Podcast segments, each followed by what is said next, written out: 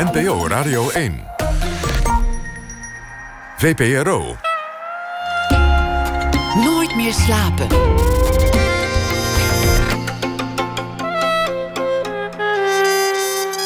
Met Elvie Tromp. Welkom bij Nooit meer slapen. Straks zenden we de VPRO Cinema podcast uit... waarin de documentaire The Cleaners centraal staat. Jasper Tonnon en actrice Stephanie Laurier... gaan in gesprek met filmkenner, presentator... en maatschappijcriticus Cesar Majorana over deze film... en welke invloed de Filipijnse content moderators hebben... op onze social media. En komend uur zit tegenover mij dus tot een uur of half twee... Jeroen Henneman. Jeroen Hennemans kunst wordt maatschappijkritisch genoemd, ironisch, absurdistisch, maar zelf noemt hij het graag een gekantelde blik op de werkelijkheid. Kunst moet mooi zijn. Dat is ook een uitspraak van hem. En u kent hem misschien van het wiel dat op het belastingkantoor staat langs de A10, of zijn iconische afbeelding van Beatrix die hij in een klare, heldere lijn vorm gaf. Maar ook schreef, ontworp en maakte Henneman theater bij Toneelgroep Amsterdam. Maakte hij de tv-series De Woestijn Leeft en De Bovenwereld met Max Pam en Theo van Gogh. En was hij, of is hij, deel van het literaire genootschap De Herenclub. Momenteel is zijn vroege beeldende werk te zien in de expositie Amsterdam Magisch Centrum Kunst en Tegencultuur 1967 tot 1970. En die werd vanavond geopend. De expositie blikt terug naar een tijd van Amsterdam als een centrum voor het revolutionaire denken en de verbeelding die een gooi doet naar de macht. Jeroen, welkom. Goedenavond. Goedenacht. Kijk, ik hou ervan als we lachend beginnen. Heel ehm, goed. En um, het, het, is natuurlijk zo, je hebt een gigantisch oeuvre. Um, maar ik wil altijd eerst beginnen met... Uh, uh, voor de mensen die nog niet weten wie jij bent... of wat je maakt. Wat is een Henneman-werk? Ik noemde er al twee. Het wiel, de Beatrix. Je hebt ook uh, de schreeuw gemaakt. een prachtig beeld ter nagedachtenis van Theo van Gogh. wat is voor jou een Henneman-beeld te voeten uit of een Henneman-werk? Nou, ik heb ook wel eens. Er, was, er is een, eh, eh, een, beroemde schilder van Megeren. die ooit een schilderij heeft gemaakt. waarvan iedereen zeker wist dat het een Vermeer was, een vervalsing. Maar zelf leefde die van een hertje wat hij ooit had getekend. Heel erg mooi. En daar zijn liedjes van gemaakt. Duizenden. En die hingen in alle Nederlandse interieurs. Zoiets heb ik ook eens gemaakt, heel lang geleden. Die hingen op alle meisjeskamers. En dat was, dat heette Het Verlangen. Dat is een muziekblad, gevouwen in een bepaalde vorm. Eindigt in een punt. En die punt eindigt weer in een balletschoentje. En twee van die bladen met hele mooie grafische muziek van Carl Czerny. Die twee bladen dansen over een boulevard met de zee in de verte. En het wordt niet vaak over je werk gezegd, maar dit is wel duidelijk een romantisch voorbeeld. En in mijn voorwerk merkte ik ook dat er eigenlijk een, wel een romantische lijn in jouw werk te ontwaren valt. De kus is ook iets wat steeds terugkomt. Een mhm. kussende man en een vrouw, het silhouet daarvan, in vele vormen. En uh, nu hoor ik ook weer zoiets uh, nou ja, romantisch nou, verlangen. Dat komt allemaal uit de serie Het Verlangen. Dat heb ik... Uh, ik, ik ben, in, in, principe ben ik een beeldhouwer. Ik ben een tekenaar en een beeldhouwer. En op een gegeven moment dacht ik... ik moet toch ook eens schilderen, gaan schilderen. En daar heb ik me in bekwaam. En toen dacht ik, ga ik heel erg figuratief schilderen. Heel erg precies. Maar dan wel niet eng. Hoe bedoel je eng? Nou ja, dat je, dat je de, de, de, lak van het ei ziet. Dat, dat, dat, dat, was niet de bedoeling. Het was de bedoeling dat je dacht, dat is een ei. Hm. En uh, ja, daar, daar eh, vond ik een onderwerp voor uh, ja, het verlangen. De, dus daar, toen in die serie heb ik bijvoorbeeld een, een interieur geschilderd met uh, luiken die openstaan. Die luiken staan open naar de binnenkant. Dat valt niemand op. En dan zie je een hekje en dan zie je de zee met witte zeiltjes in de verte. Maar in die kamer zelf zeilt ook een zeil. Een wit mooi vlak, net als die witte vlakken in de verte. Dat soort dingen. Dat kan je wel zeggen, dat is romantisch, maar het is natuurlijk ook heel erg geënt op Magritte. Maar Magritte, de, de, de, de, de schilder, En uh, het, het, was ook mijn commentaar, mijn liefde op uh, hoe ik genoten heb van dat type schilders toen ik klein was. Dat, dat wilde ik eigenlijk verbeelden. Want wat deed dat met je... Ik vond dat een. Uh, je had science fiction, je had avonturenverhalen, Carl May. En je had schilders die ook een wereld ver, lieten zien. Uh, die onbekend was en uh, ontsproot aan het brein van iemand die je eigenlijk niet kende. Dus dat, en dat heeft me gefascineerd tot op de dag van vandaag. Ja. ja. ik wil het zo hebben over die uh, invloed van de literatuur op je werk. Ook uh, je enorme rondgang eigenlijk over de wereld. Maar laten we het eerst even over die expositie hebben. Jouw vroege werk staat daarin. Uh, het wordt ook wel een kritiek op het burgerlijke genoemd. Ehm, daar zit je een beetje bij te wijfelen. Een van de beelden, ik mocht het vanmiddag al zien... is bijvoorbeeld de achterkant van een deur...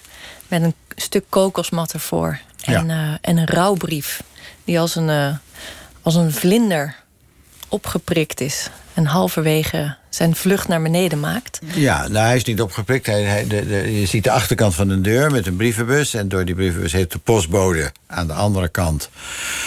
waarschijnlijk net die brief door de deur... en die valt richting kokosmat die achter de deur ligt. En dat is een... Uh, een een, een trieste gebeurtenis. Nou, dat, dat, dat, dat is eh, lastig wat daar nu gaat gebeuren in dat huisgezin. Ja, je ontvouwt een heel verhaal met één simpel beeld. Ja, ja, ja. ja. Dus het is niet zozeer burgerlijk, het is de schrik van een kleine handeling. Nou, ik noem het ook burgerlijk omdat daarnaast hangt de, um, de, de, de klepel van de wc-pot. Of bedoel dat? De trekker van de ouderwetse uh, doortrek Ja, in een kast met En die dan nog zo'n beetje wiebelt ook. Dus dat je weet, hij is net gebruikt. Ja, hangt of er komt iemand aan. Een, een stortbak die net is doorgetrokken om het alles weg te spoelen. En die beweegt nog een beetje. Wat, dat gebeurde vroeger als je een wc binnenkwam. Hey, en dan was dat ding vaak nog warm ook.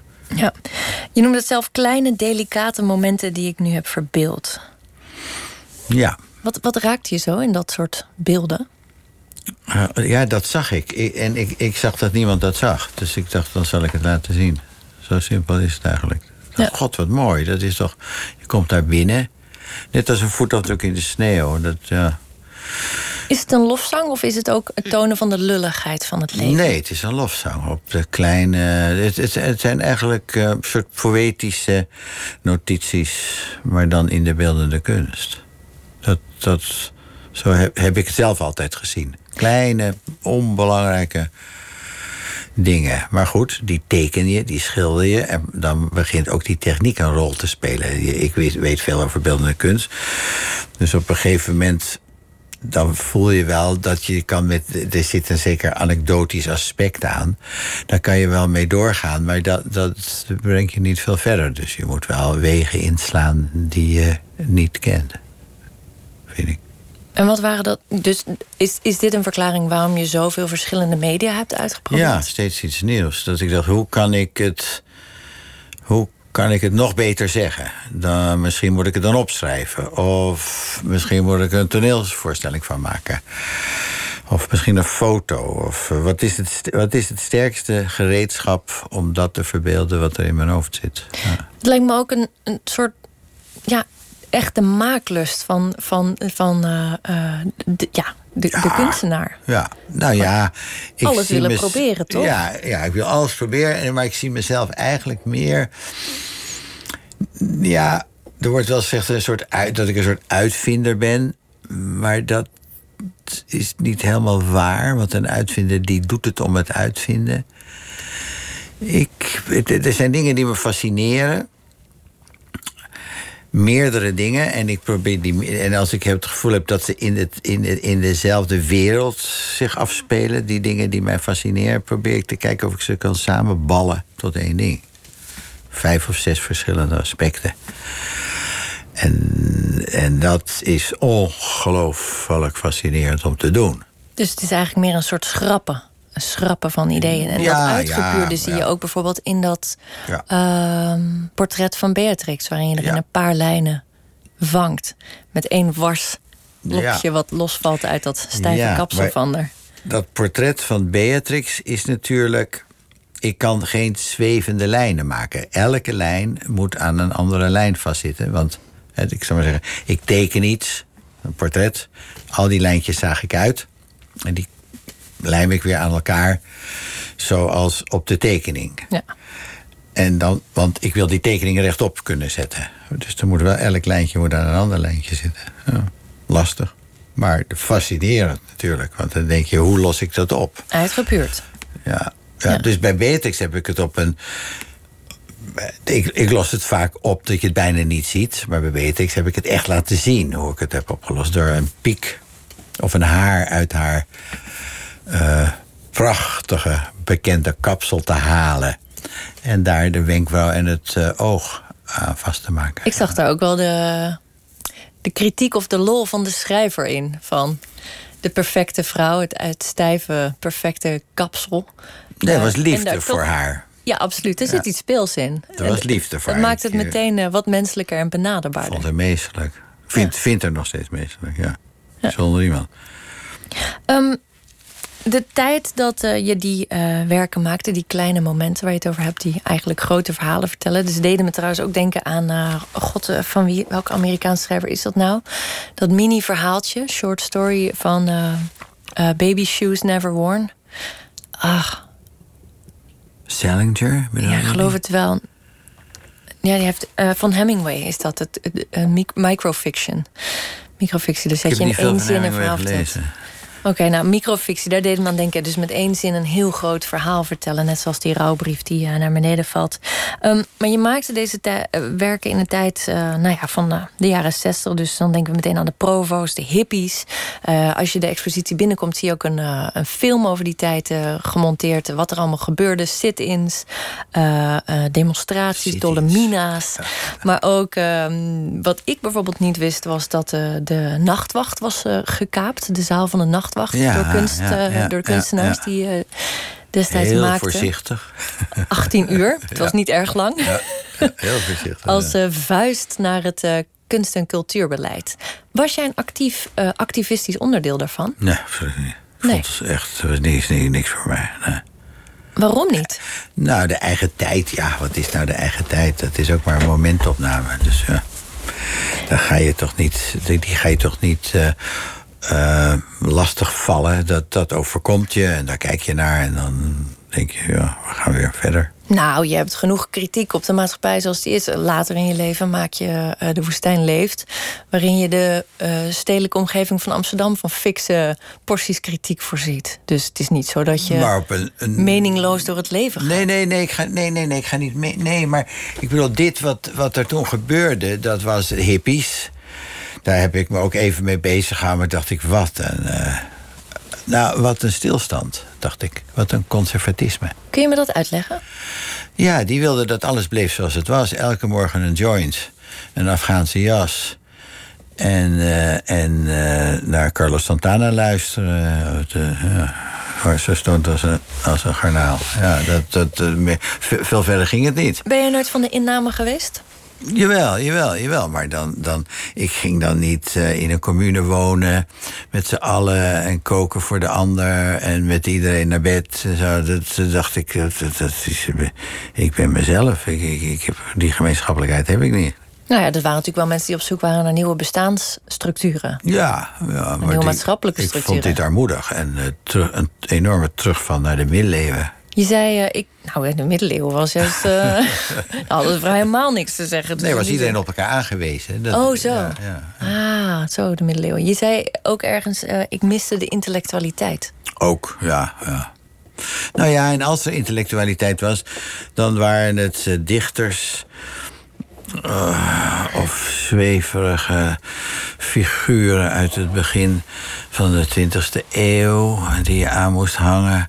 En eh, ja, ik weet al die namen niet zo gauw meer op te noemen, maar er waren schrijvers, vooral in het Duitse taalgebied, die helemaal zeiden hoe het moest en eh, hoe de leefregels instelden. En dan had je ook nog Rudolf Steiner en zo. Die, ja, ik vond Deksels interessant. Steiner bijvoorbeeld vond ik interessant omdat die krankzinnige architectuur.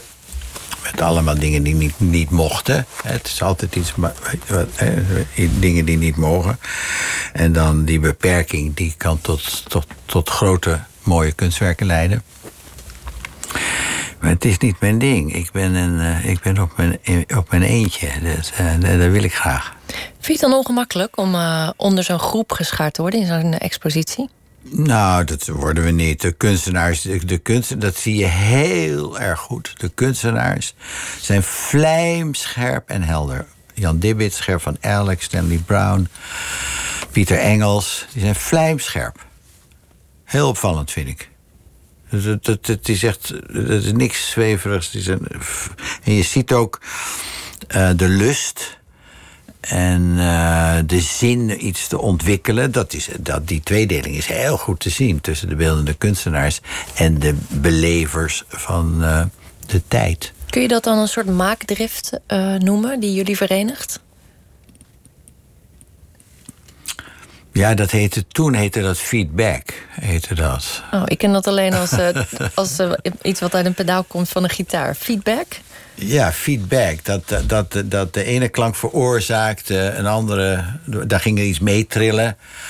En dat was ook weer heel interessant. En ja, je beïnvloedde elkaar en je wist dat je deze keer niet moest handelen zoals Picasso. Die zei, als je iets kan pikken wat goed is, dan moet je dat doen. We, we, we vonden dat het een, een trap was.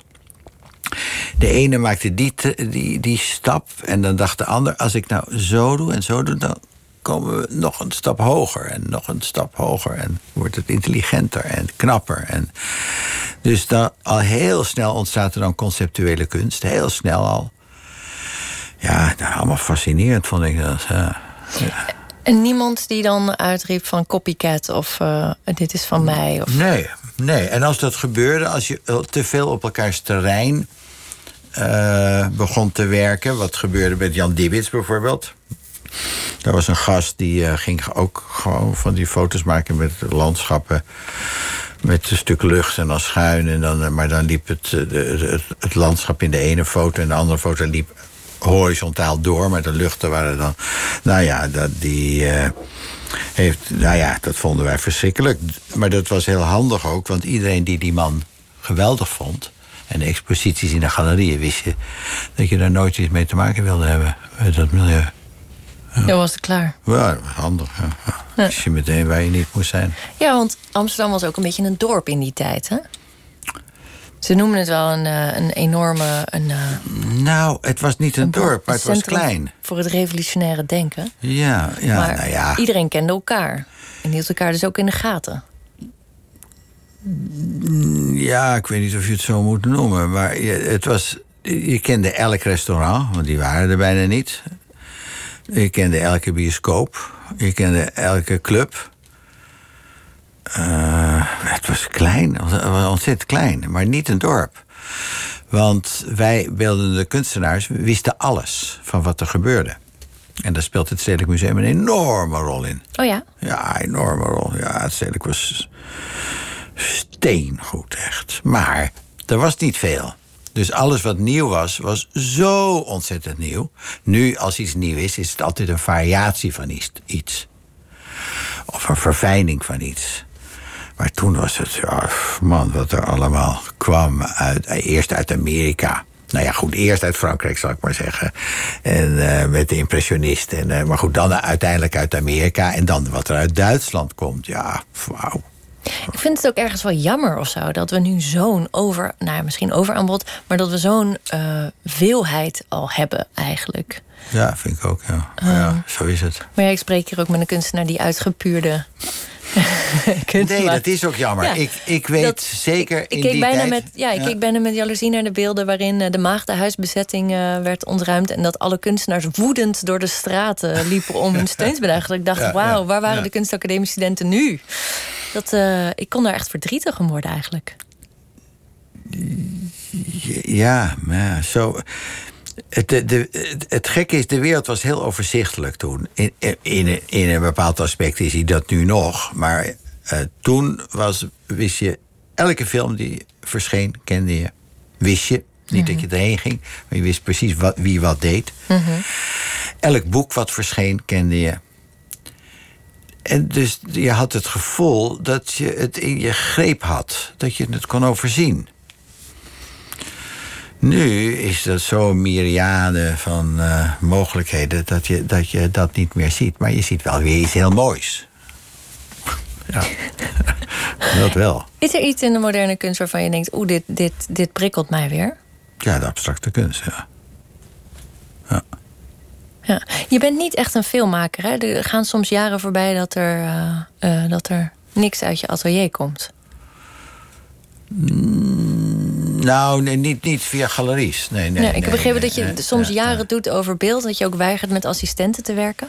Ja, ik wil niet een. uh, nou ja, ik heb natuurlijk mensen die dingen voor me doen die ik niet zelf kan. Ja.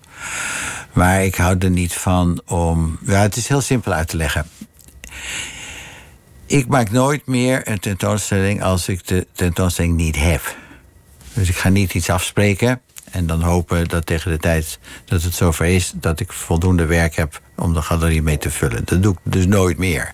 Je zegt nooit meer. Dat betekent dat, ik, dat, ja. je er schade en schande wijs bent geworden? Nee, ik, had, uh, ik, was, ik kwam uit het buitenland. Was heel succesvol hier omdat niemand me kende. En ik had geen enkele vrees voor de mensen hier, want ik kende ze niet. Ik wist niet hoe belangrijk en machtig ze waren. Even kijken, welke, welke tijdsgevricht Dit gebeurt, uh, ik kom terug in Nederland in 1966, 67, ja, 67. Want je hebt ook een tijd in Amerika gewerkt. Ja, en, en, en, en, Expositie in en, Venetië over de hele wereld gezworven. Ja. En toen uiteindelijk weer terug in Amsterdam gekomen. En dan kon ik geen atelier krijgen. Toen was ik kunstenaar geworden, zo'n beetje.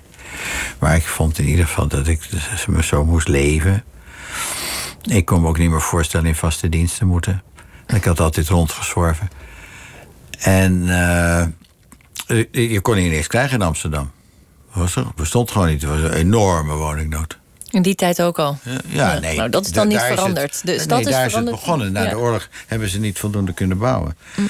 En in België, ik ging naar Antwerpen... en ik had in één dag had ik een atelier. Zo simpel was het.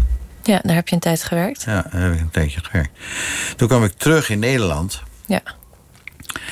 En uh, ja, toen belandde ik. Uh, in, ja, in, in, dat eigenaardige werk wat ik toen net was begonnen te maken, dat, dat viel in de smaak. Toevallig bij, bij een hele goede galerie. En uh, in diezelfde galerie heb ik twee tentoonstellingen in één jaar gemaakt. Kan je nagaan wat een enorme energie ik had. Ja, toen begon het. Toen was ik een uh, soort wonderkind. Uh, ja. Waar komt dat enorme zelfvertrouwen vandaan? Um, je, je, je hebt in je laatste jaar van je middelbare school ben je uh, de lanen en de paden, de paden op de lanen in, of de laden af te ja, Hoe gaat ja, het? Maar in ieder geval, je dacht, ik heb, ik, ik heb er genoeg van tabé. En je ging reizen. Je, ging een, je hebt een roman geschreven, ook een soort. Helle, helle, Is dit een jeugd, jeugdzonde? Hij is nooit gepubliceerd, maar je schrijft er vurig over in, in brieven aan je ouders. Ja. Met scènes van vol warme seks. Seksuele warme scènes. Nou ja, helemaal on, on the road van Kerouac geïnspireerd natuurlijk. Ja, dat was een, nogal een gids. Was Jan Wolkers toen al, of Jan Kramer toen al uit? Of kwam dat dan? Ja, was ja. al uit. Jan Kramer was... ik, Jan Kramer is 64 Want volgens mij. Ook daarin is een mannelijk hoofdpersonage aan het reizen. Ja, van bed naar bed. Van stad dat was de generatie. Jan heeft ook nog in, in Jan Kramer ook nog in Antwerpen gewoond. Net als Remco. Is hij een grote inspiratiebron ook geweest? Ja, dat, dat leven is de inspiratiebron geweest, ja. En, en ik was heel erg gesteld op Jan, want ik woonde een tijdje, een hele winter eh, bracht ik door in Cornwall. En toen zei Jan, uh, uh, ik kreeg een hele grote Amerikaan. En Jan had ook zo'n hele grote Amerikaan gekocht. Auto oude, bedoel je? Ja, ja, ja. Uh, ja want die waren ja, die onverslijtbare auto's. 18 ja, hij heeft ook Amerikaanse vrouwen gehad. Ja, daarom. Dus, ja. maar en toen uh, ging hij. Uh, zei, nou, ik kom langs. En toen nou, dan hoorde ik een tijdje niks van hem. Toen belde hij op. En zei: Ja, ik ben ook in Cornwall, Jeroen. Ik heb een huisje gehuurd en zo. En, en dat huisje heette Mousehole. Weet je wel? Dat was Jan. Die heeft net zo lang op de kaart zitten kijken. dat hij een goede naam had. Mousehole. Ja. ja. Die woonde dus ergens aan de overkant van de baai toen. Een paar maanden. Ja. Maar goed, we, we begonnen deze vraag met uh, waarom je nooit meer uh, solo-exposities doet voordat je het werk af hebt. Want jij bent Ja. een keer dan Sorry, ja. de fout ja. ingaan. Ja, sorry, ik, het zijn ook Nou, fantastische Ik was in. Amerika, een soort. uh, de, de, ik had in, samen met een paar mensen via het stedelijk in het Guggenheim geëxposeerd. Daar dat had een, een, New Yorkse galerie gezien. Die had gevraagd of ik een tentoonstelling wilde maken. Ben ik naar eh, New York gegaan, heb ik een tentoonstelling gemaakt. Maar in die tussentijd, de galerie die ik hier had, Wiesje Smals van Seriaal, die regelde al mijn Unica. Terwijl dat een multiple galerie was. En eh, die had van alles alweer geregeld. Dus vanuit New York moest ik naar San Francisco voor een tentoonstelling. En daarna naar Duitsland. En, daar, en toen dacht ik. In San Francisco had ik al moeite. Toen dacht ik, wat moet ik in godsnaam maken? Ik had ni- niks. Dus ik begon een beetje te maken wat ik al gemaakt had. Dus toen, die- toen ik die tentoonstelling eh, zag, dan dacht ik... eh, wat- Een kopie van een kopie. ja, waar moet ik hiermee? En, eh, maar goed, toen heb ik mijn, mijn, mijn vrouw laten komen. En toen hebben we een grote reis door eh, Mexico gemaakt. En toen heb ik, dacht ik, ik, ik ga het niet meer doen. Ik stop ermee. Zo is dat eigenlijk ontstaan, dat, dat, dat, dat niet meer willen exposeren. Nou ja, dat zou dan een doodvonnis zijn. En, ziet Een dappere keuze ook, want veel kunstenaars werken juist in series. En juist ook in, nou ja, Ja, ik, kleine ik, ik ook, maar in kleine series. Ja, voor, de, Ja, voor de collecties ja. en voor de, voor de handelaren ook. Het is natuurlijk Nee, ook dat- eh, dat kan een ik financieel niet. oogpunt. Nee, dat kan ik niet. ik heb wel veel grafiek gemaakt. Goed. We gaan er heel even uit voor het nieuws. Eh, en eh, straks spreken we verder over eh, nou ja, al je avonturen in de kunst en de wereld en het leven van Jeroen Henneman.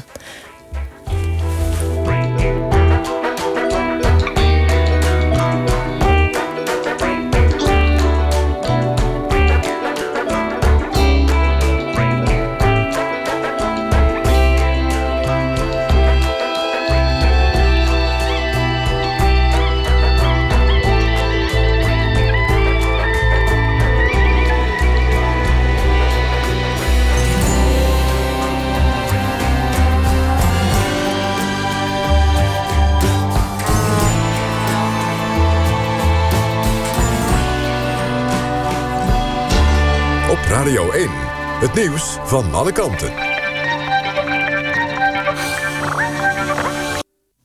Het is 1 uur, dit is Jeroen Tjepkema met het NOS-journaal. Het sociale netwerk Twitter is bezig om de bezem te halen... door zijn ledenbestand, schrijft de Washington Post. De laatste maanden heeft Twitter tientallen miljoenen spam-accounts geblokkeerd.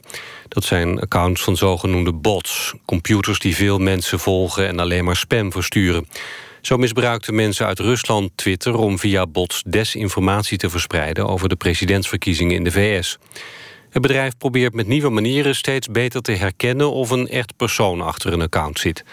Volgens de krant worden op sommige dagen meer dan een miljoen accounts per dag geblokkeerd. Het Britse kabinet heeft een akkoord bereikt over de inzet... waarmee onderhandeld gaat worden over de brexit. Na lang overleg heeft premier May haar regering op één lijn gekregen... over de toekomstige relatie met de EU.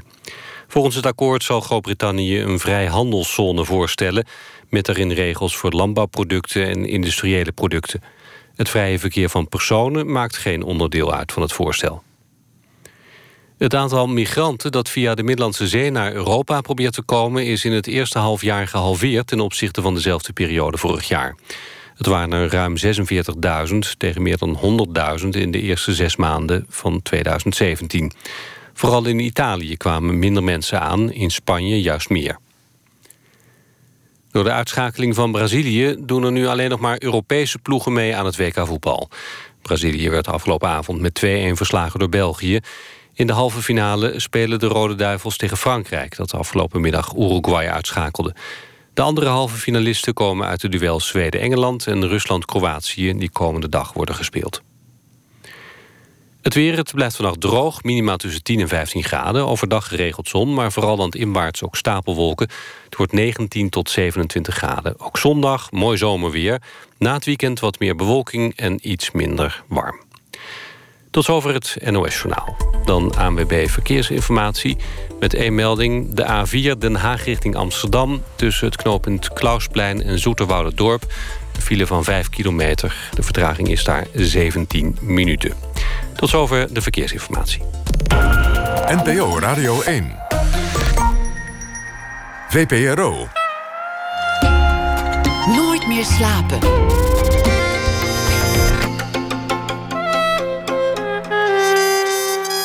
Met Elvie Tromp. Welkom terug bij Nooit meer slapen. En tegenover mij zit nog steeds Jeroen Henneman. En dit weekend opent de tentoonstelling Amsterdam Magisch Centrum Kunst en Tegencultuur 1967 tot 1970. En dat is in het Stedelijk Museum van Amsterdam. En daar kunt u vroeg werk van hem zien. En voor het nieuws hebben we het onder meer gehad, nou ja, over die, uh, ja, roerige tijden in Amsterdam en hoe jij je er eigenlijk een beetje van terzijde hield. Uh, je zoomde in op uh, kleine momenten uh, in, in het leven die je vertederde. Zoals, nou ja, de rouwbrief die op de kokosmat. of die me boeide, dingen die, die, me boeiden, of die me fascineerden. Ja. Of, en je zei tijdens nieuws iets heel moois. Je zei: sommige mensen willen van A naar B. En andere mensen zijn geïnteresseerd. Wat zei je nou precies? Ja, de, de, heel veel mensen willen gewoon van A zo snel mogelijk naar B. Mhm. En er zijn mensen die zijn geïnteresseerd in wat er tussen A en B gebeurt als ze naar B gaan. En uh, dat is niet iets boeddhistisch, dat is gewoon iets Europees, is dat. En uh, dat, ik, ja, ik vind dat fascinerend. Dat is, ik zou je zeggen, je gaat van een restaurant s'avonds in de winter fiets je naar huis twee kilometer. En dan fiets ik op een dode akkertje naar huis, omdat ik dan overal naar binnen kan kijken. En langs alle grachten zijn de ramen open, of de gordijnen nog open. En dan, dan, ja, dan, dat fascineert me. En dan, goed, dan ben ik thuis. Ja. Maar uh, er zijn ook mensen die zeggen: uh, ik, ik wil naar huis. En, en, en, dus die zijn helemaal, en de hele energie is erop gebaseerd om zo snel mogelijk uh, thuis te komen. Ja, maar jouw weg van A naar B is niet een van een rechte lijn. Die, uh, die, dat is nogal een, uh, een wiebelig lijntje die ook naar theater gaat, naar het schrijven. Ja. Uh, naar performance, naar beeldende kunst, naar schilderkunst, schrijven, theater, televisie. Dat is allemaal verwant met elkaar. Ja, jij bent de spin. De, de, de, de, ja. de, de, dat, dat toneel wat ik heb gedaan, het is, zijn toch allemaal extensies van mijn werk. Ja, natuurlijk. Dat is, en zelfs het grote toneelstuk wat ik heb gemaakt, Hinderlaag... dat was een afscheid van alle voorwerpen... waar ik altijd uh, mijn objecten mee had gemaakt. Kopjes, uh, radio's, stoelen, tafels... Die spelen een grote, Huiselijke verraderlijke elementen. rol. Huiselijke elementen. Ja, ja, Moest ja. je je daarvan ontdoen? Van die... Ja, ik dacht ik moet ze op een mooie manier aan hun einde laten komen. Ja, het eindigt een leeg toneelstuk en een man is dood. Nou, voordat we zover zijn, wil ik eerst nog even terugblikken naar het begin. Um, mag ik je vragen een stukje voor te lezen? Ik heb een uh, oud gedicht gevonden wat je hebt uh, geschreven. En het gaat over je jeugd. Oh ja, ja, ja. Jeugd, liefde en architectuur. Ik ben nog klein, de haag nog niet geknipt. De stoep is grind in teer. Ik loop uit school, kwam uit de hout langs het zanderige wandelpad. De takjes uit de haag langs mijn gezicht en in de opening de tegels naar mijn voordeur de trap op. Hoog in het huis mijn kamer met het tuimelraam. En in het tuimelraam de straat. De straat met lange, onderbroken hagen. En tegels voor de deuren. Twee auto's als doelen voor de bal. In de donkere tuinen een huis, betimmerd met hout. Door de kleine ramen kijk ik naar haar. Als zij onder de lamp haar huiswerk maakt en ik voor haar mijn huiswerk laat schieten. Hier oogt weer het verlangen. Hè? Het zat er al vroeg in. Ik zie het nog precies voor me, die situatie. Ja. Op wie was je zo verliefd? Dat meisje heeft dat nooit in de gaten gehad, dat ik zo verliefd op haar was. Nooit. Heel mooi huis met een heel stijl puntdak. van hout. Helemaal van hout. Een beetje Noors, vermoed ik. Hoe oud was je? Nou, dit is de dichter. Wanneer ben je dichter? Dan ben je zo 14. Heb je dat toen ook geschreven, die leeftijd? 14, 15, ja. ja. Dat is ongelooflijk. Dat is- nou, dan ben ik Op jaloers. school, het is Ja. het- op de middelbare school. Ja, want dan begint dat gedoe met eh, gedichten en zo. En Nou, meisjes. maar wat een waanzinnig gedicht dan op je, om op je veertiende te Ja, schrijven. het is er maar één. Ja. Wat voor één kun je dan zeggen? Uit, eh, uit, uit wat voor eh, milieu kwam je? Mijn vader was bouwkundige, zoals dat heet. Mijn moeder was eh, eh, lerares op een school, tien jaar lang. En die, is, eh, die werd ontslagen toen ze ging trouwen. Dat was, Zo de- ging dat. Ja. dat was de, zo was de tijd, glashelder. En mijn vader bouwde. Eh, zijn vader ook al, aannemer. en die bouwde loodsen, eh, ook huizen. En die bouwde toen op Texel, woonde ook op eh, Toen hij trouwde met mijn moeder, zijn nog foto's van, dat is op de veerboot zitten naar Texel. Toen kwam de oorlog. Toen moest mijn vader dus die loodsen voor de Duitsers bouwen. Daar is hij op de een of andere manier onderuit kunnen komen. Hij is teruggegaan naar Noord-Holland. En in Haarlem beland. Een hele leuke wijk van een hele leuke architect. En eh, da- daar. eh, mijn vader had eh, altijd gebouwd. Als er niet veel werk was, dan bouwde hij voor zichzelf in Castricum, Beverwijk, Heemskerk, kleine huisjes. En, en daar hadden heel veel mensen, Joden, ondergedoken gezeten in die huisjes. Waarvan de huizen waren afgebroken voor de Atlantic Wall in Den Haag, in Scheveningen. Dat bouwden de Duitsers, bouwden daar, die hebben daar heel veel huizen af, afgebroken. Die mensen kregen een herbouwvergunning na de oorlog. Nou ja, goed, die mensen, zoals ze er nog waren. En nog een hele familie ver- vernield en vermoord. Dus de behoefte om daar weer te gaan bouwen was er dus helemaal niet. Dus die hadden die her- herbouwvergunningen. En die waren niet overdraagbaar. En toen is er een proces geweest dat dat wel overdraagbaar mo- mocht zijn aan de, als je iemand wilde bedanken. Of zo. En toen heeft mijn vader een paar van die brieven gekregen en heeft hij samen met mijn moeder zijn een huis gaan ontwerpen. Dat weet ik nog heel goed.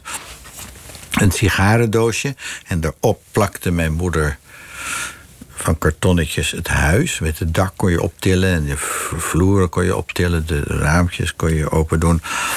En dan, in, in, dan kon je toch het deksel op. Dan bleef het karkas bleef overeind. En dan daarin zaten allemaal tafeltjes en stoeltjes. En dan kon ze zo inrichten. Nog heel erg goed. En eh, dat huis is gebouwd. Toen was ik acht. Toen verhuisden we dus naar dat huis. En daar ben ik verder opgegroeid. Had je een gelukkige jeugd? Ja, wat een heerlijke jeugd. Ja, ja. Ja, je bent Lastig, 19 maar Waarom heerlijk. lastig? Waarom lastig? Nou ja, ik was. eh, mijn vader moest zich kapot werken. Om eh, dat gezin, katholiek gezin van zeven kinderen, overeind te houden. En dat waren nog aanbestedingen. Ja, nee, dat, dat was allemaal gedoe. Net nog als nu. Weet je wel, overbieden en eh, elkaar eruit uitbieden. En, eh, dus dat was een hard gelach. En ik weet nog wel, als mijn vader dan een eh, werk kreeg, hoe blij die was. En dan gingen we lekkere dingen eh, klaarmaken. En, Maar ik had allemaal zusjes. En die waren toch heel. ik wa- was een. Een fantast en een, eh, en een eh, avonturier. En ik eh, organiseerde wielerwedstrijden. en, Weet ik veel allemaal. Maar ik was eigenlijk niet te, verdragen in, in het huis. Vind je dat zelf nu ook? Of denk je nou... Ik, ja, ik denk het wel. Ja, ik trok me nergens iets van aan. Dus ik moest naar kostschool. Ja, je bent naar het internaat gestuurd. Ja, ja. Ben je de enige die naar het internaat... Ja. Heeft dat ooit voor frictie gezorgd tussen jou en je eh Ik eh, eh, daarna eh, op school heb ik ook bij andere mensen ingewoond. Eerst bij een tante en toen bij de leraar Nederlands en zo. Dus ik ben niet op het, in, in dat uh, de middelbare school niet zo door mijn ouders meer opgevoed. En uh, dus eigenlijk tot op de dag van vandaag heb ik niet zoveel contact met mijn uh, broers en zusjes. Er zijn er ook al doden, er zijn ook al doden, maar goed. Dat, spreekt toch alsof, dat klinkt toch alsof er een, uh, nou ja, toch een, een soort moeizame uh, nee, onbekende. is ontstaan. Ik, ik kende ze niet goed. Ik kende ze niet goed. Eén, één zusje wat later is gekomen. Dat, en, en één zusje die uh, ook artistieke neigingen had. Die is hartstikke goed. Ik. Uh, die is muzikant geworden. Ja. En die heeft een, uh, ook een duo, maar en ook orkestjes. En, uh, met Albaars. En die geïmproviseerde muziek. Ah, maar die heeft jou wel beschuldigd. Ik heb een duo-interview met jullie gehoord. Die heeft je beschuldigd dat jij werd voorgetrokken. Door je Ja. ouders. Ja, Maar als ik dat zo hoor, als jij naar het internaat gestuurd werd. Nou, misschien werd ik wel voorgetrokken. Want mijn vader hoopte natuurlijk dat ik bij hem in de zaak zou komen. Ja. Ja, want in je vrije tijd begon je daar ook met bouwen. Hè? Je hebt je Ja. eigen huisjes daar ook gebouwd Ja. en je eigen klimmobiels. Ja, ik wilde civiel ingenieur worden. Bruggen en eh, weet ik veel wat allemaal. Ja. Waar is dan die, eh, die stap naar de kunst gegaan en niet naar. Oh, dat is een heel lang verhaal. Heel langzaam. Ik heb altijd getekend. Gewoon uit, ja, om de dingen vast te leggen die ik in mijn hoofd had. Meer niet. Maar ik wist alles van beeldende kunst en was gefascineerd in architectuur en beeldende kunst. Ja. Dus toen ik door Europa zworf, jarenlang. Ja, Europa, vooral de Latijnse landen. En eh, nee, ook, eh, ook Noorwegen, Zweden, eh, Denemarken.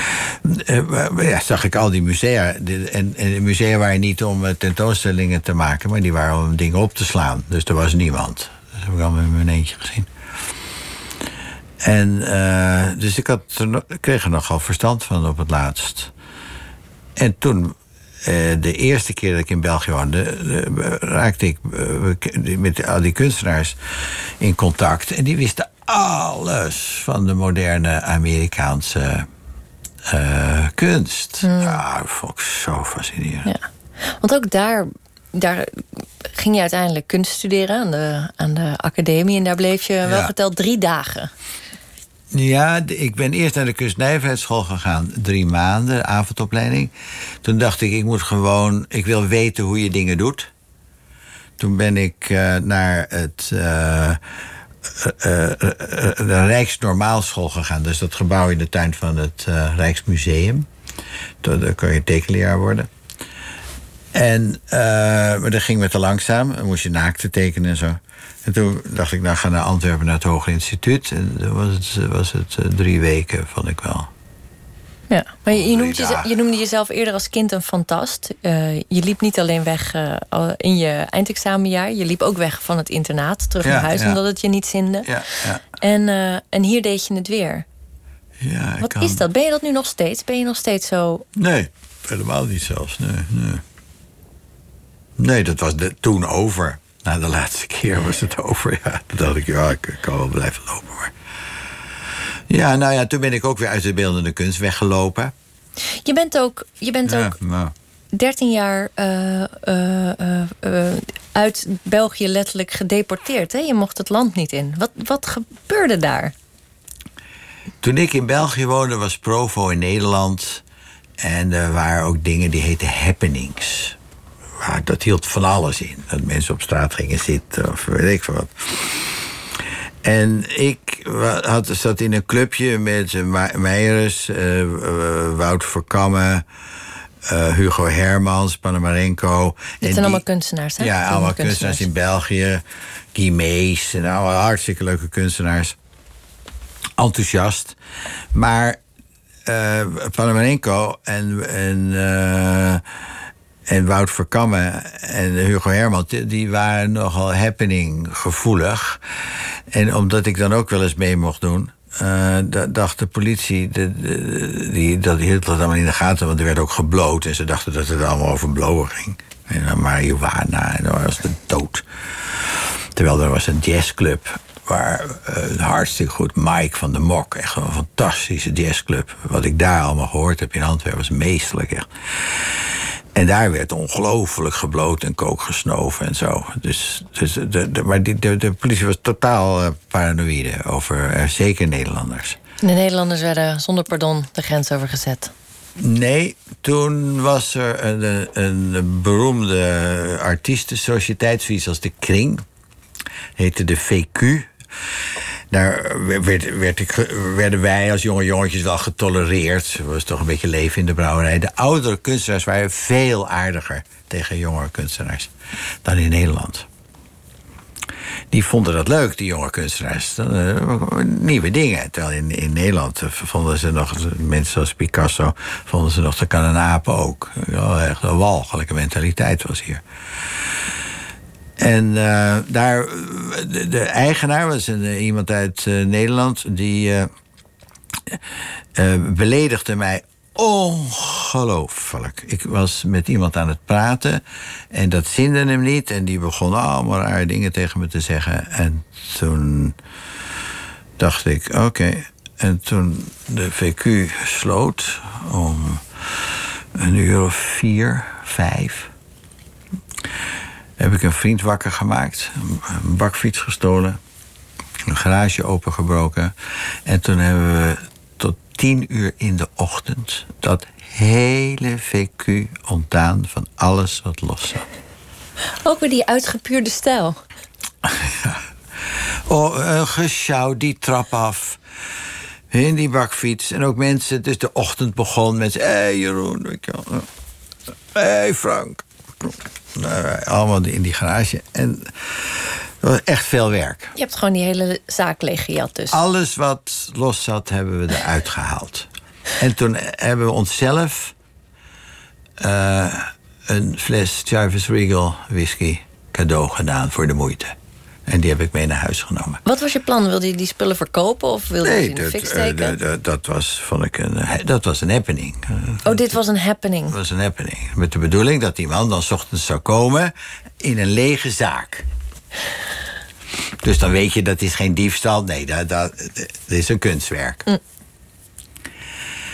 En, uh, maar dat, uh, de, hij had niet de juiste mentaliteit voor dit meesterwerk. Dus hij dacht, dat heeft Jeroen helemaal gedaan. Weet ik zeker. Want ik had tegen hem gezegd, dat wacht zei je nog, wacht maar. Dus die is met de politie met stampij de trappen bij mij opgegaan. En daar lag ik op een matras op de grond te slapen met die fles Chavez.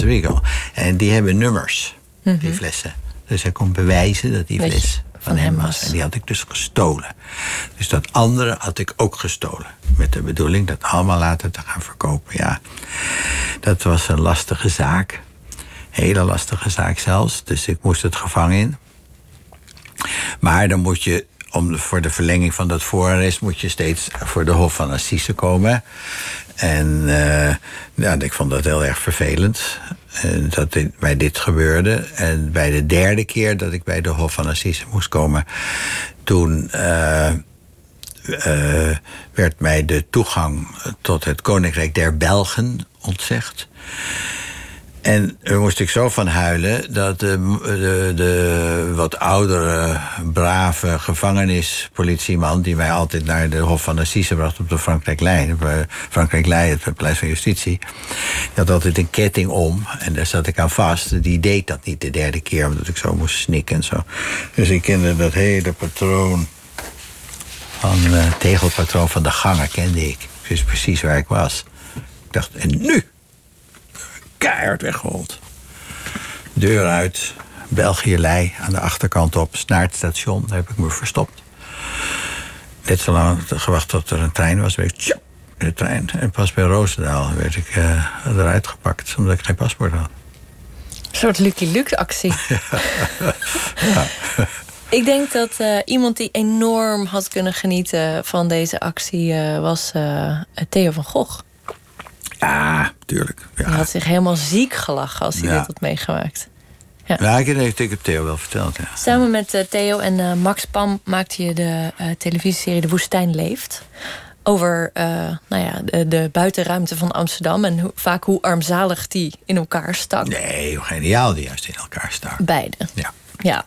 Uh, een van mijn lievelingsseries moet ik zeggen. Kapot, kapot. Wat is nou kapot? Waarbij je ook het Museumplein uh, aan alle rigide uh, nou ja, inspectie onderwerpt. En alle kapotte tegels laat zien die daar liggen.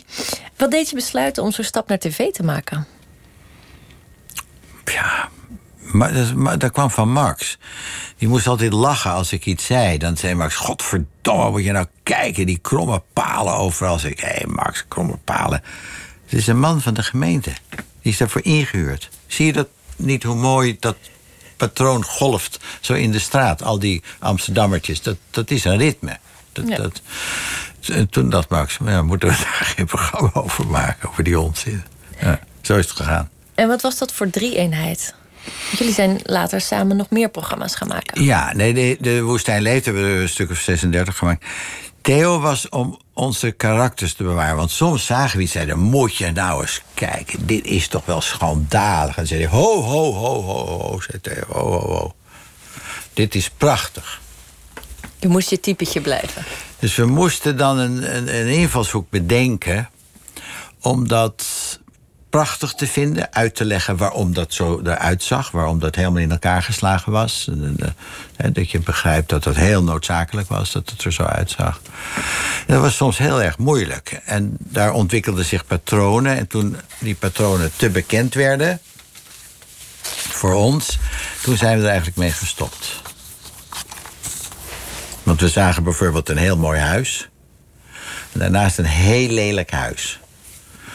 En die zei Max, moet je nou toch eens kijken. Dat lelijke huis, met het prachtige huis. En dat lelijke, hoe komen ze erbij om dat ernaast te zetten? En dan zei ik, nee Max, als daar een mooi, gewoon huis had gestaan... had je nooit gezien hoe mooi dat mooie huis was. Was je er zo voorbij gelopen. Zo, en, uh, dat soort trucjes hadden wij dus. Ja, en toen, op een gegeven moment waren die op. Maar het is ook een echte vriendschap, toch? Ja, Max ja, ja, En Theo ook. En Theo ook, ja. ja. Leuke mensen. Was, ja. Hoe, hoe lang hebben jullie samengewerkt? Nou ja, de, later hebben we nog een serie gemaakt, De Bovenwereld. Maar toen was net 9-11, dus dat is een beetje verzand in, uh, in uh, ander nieuws. Ja.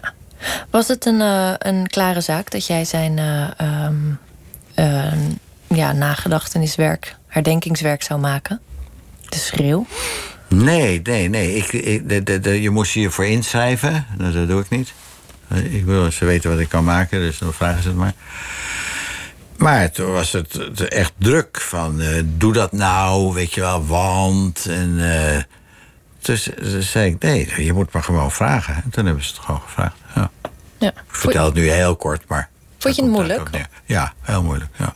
Heb je het ook moeilijk gehad in die periode? Ja, ik moest twee dingen doen. Ik moest iets algemeens maken en iets heel persoonlijks. Dus ja, dat was een lastige zaak, vond ik. Ja. Hoe heb je dat aangepakt? Elk idee heb ik uitgevoerd in hout of staal, gesoldeerd en uh, geknipt en gekeken en gedacht. En, en ik had een uitgangspunt. Theo, ik was ooit met Theo in uh, Brussel op de avenue, uh, hoe heette dat? avenue Kennedy. En daar staat een beeld voor de gevallen oorlogsvliegers uh, van de Tweede Wereldoorlog. En dat is een grote sokkel. Op die sokkel is nog net een been en een ander been van een man. En die wordt opgetild door een engel die op zijn kop boven hem hangt. Die hem echt optilt. Maar goed, er zitten natuurlijk allemaal stangen in. En hij heeft nog een bomberjacket heeft hij aan. En, uh, en die engel die tilt hem op. En uh, zei Theo. Als ik ooit dood ga, wil ik zo'n beeld op mijn graf. Ja. Zo ben ik begonnen. Zo. Dat, dat is nogal een opdracht dan. Ja. Ja. Dus zo ben ik begonnen, maar dat was veel te anekdote. Hij houdt zich nog aan zijn fiets vast. En al die modelletjes heb ik gemaakt. En toen op een gegeven moment gebeurde dit. Gewoon nou, werken, werken, werken, werken. En toen plotseling keek ik naar een tekeningetje wat ik gemaakt had. dacht ik, zo moet ik het doen. Ja, en nu zien we het profiel van een man die schreeuwt naar de lucht. Ja, en dat komt uit een echt, het echte profiel van uh, Theo. Dat is ook echt zijn, zijn ja, profiel? echt zijn profiel, ja. Was dat een intensieve vriendschap? Of je... Nee, dat was een vriendschap die niet aan kracht verloor... als, je elkaar heel lang niet zag. Die, Ja. die vriendschap die was een toon die altijd klonk. Ja. Ja. Jij en Max Pam waren ook deel van eh, de Herenclub, een literaire genootschap Oh, rondom eh, Harry nee, Mulisch. Max niet. Zat Max daar niet bij? Oh, ik dacht dat ik hem op een foto zag dat jullie daar. Oh, iemand die op Eén keer, één keer eh, heb ik met veel moeite is hij dan toegestaan dat Max ook lid van de Heerclub mocht worden. Het is een be- beetje een intellectueel gezelschap waar je inderdaad met een hoge drempel. Ja, intellectueel gezelschap uit de politiek, uit de literatuur, geneeskunde, Hans van Mierlo zat er ook bij. ja, zakenleven, een beetje. Ja, Wat bracht dat jou als kunstenaar? Je wilde per se niet je scharen onder beeldende kunstenaars, maar wel in de. Nou, schrijvers, hè. Dus ik ben erbij gekomen door Cees en Harry. Cees Notenboom, Harry Mulisch. En Hans van Mierlo. Eh, vlak nadat ze opgericht waren. Nou, en Rijnbert de Leeuw zat erbij. Dus de muziek was er. Ja, dat, eh, dat, dat trok me. En eh, vooral de, de, de enorme eruditie van Harry. De genot om in dat licht te zitten, vond ik altijd. Ja. Is dat ook een van de redenen waarom je eigenlijk nooit hebt gepubliceerd? Want je schreef wel. Maar ik kan me ook voorstellen dat als je in de ja, schaduw van Harry Mulisch staat, dat je ook denkt, nou, Nee, ik, ik kan niet goed schrijven. ik houd Waaruit? het. Nou, Nee, ik heb niet een goed gevoel voor taal en de constructie van taal. Nee, nee, heb ik niet. oké. Ik moet veel te veel zoeken. En ik bedoel, ik zou over een A4'tje doe ik een dag. En dan nog denk ik, dat kan je beter zeggen. En, En op je negentiende schreef je een roman. ja, maar dat was zo, weet je wel. Dat, eh, Jack Kerouac had dat ook, geloof ik, in drie weken geschreven. Dus dat moest ik ook kunnen, vond ik. Ja, als, als een Amerikaan het kan, kan ik het zeker, ja. Heb je ooit iets laten lezen aan Harry Mulisch?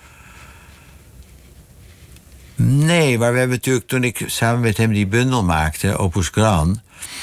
Wat was dat voor bundel? eh, Harry, Harry gedichten en ik eh, daar tekeningen niet bij, maar in dezelfde stemming en eh, refererend aan die gedichten.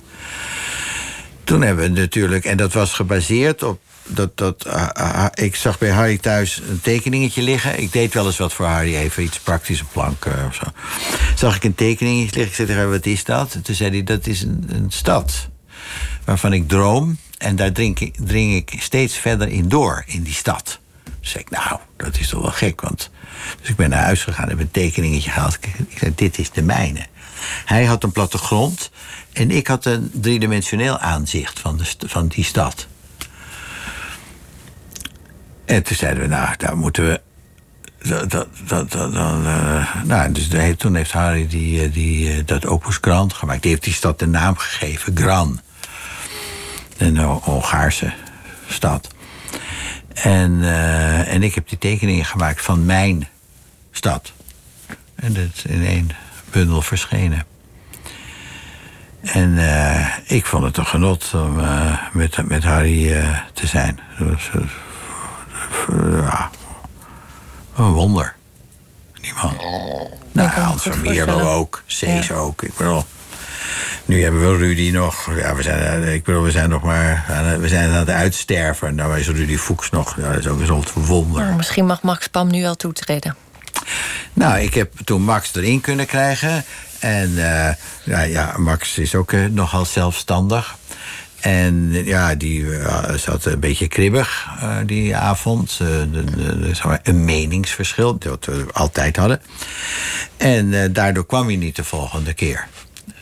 En toen zei Harry tegen mij, waarom is je vriend er niet? Ik zei, ja, dat weet ik niet, Harry. Dat zal wel iets zijn. De dag later komt Harry Max tegen en die zegt, waar, was je er niet? Zei Max, nou, ik, heb niet zo'n zin. ik had niet zo'n zin, nou, zei Max. Dus zei Harry, dan hoef je ook niet meer te komen. Zo. Zo deed Harry dat. we zijn in de laatste minuut aangekomen van ons gesprek. En ehm, ja, dan moeten we toch altijd een beetje vooruitblikken. Ehm, je hebt zo'n verscheidenheid van werk gemaakt en zoveel verschillende media. Ehm, is, is er nog iets wat je zou willen proberen, wat je zou willen ja, uitzoeken? Conceptueler, abstracter, ja. En wat, wat betekent dat concreet? Nou, moet ik heel snel zeggen. De abstracte kunst is nieuw, dat kennen we nog niet. De gewone kunst kennen we al 3000 jaar. Daar kunnen we echt goed over oordelen. En dat is een enorme rijkdom. En die rijkdom kunnen wij nog niet zien in de abstracte kunst. Dat is dan mijn theorie. Maar over 200, 300 jaar begint dat, want het is allemaal veel uh, gecomprimeerder nu. En dan kan je echt zeggen over een abstract kunstwerk, dat is een knoeier. Of je kan zeggen, wauw, wauw. Want je laat zien in abstracte kunst wat er in je kop zit. En dat is nogal fascinerend. Eh, we hebben altijd laten zien wat je ziet. En nu laat je zien wat je denkt. Ik ben heel erg benieuwd wat er nog meer in jouw kop zit. Dus ik zie dat heel graag tegemoet. Jeroen, mag ik je bedanken voor dit gesprek. Um, wij gaan nu door met muziek. Maar ik moet eerst nog even zeggen dat uh, de, de expositie Amsterdam Magisch Centrum Kunst en Tegencultuur nu is geopend in het Stedelijk Museum van Amsterdam met ja, vroegwerk van Jeroen Henneman. Dank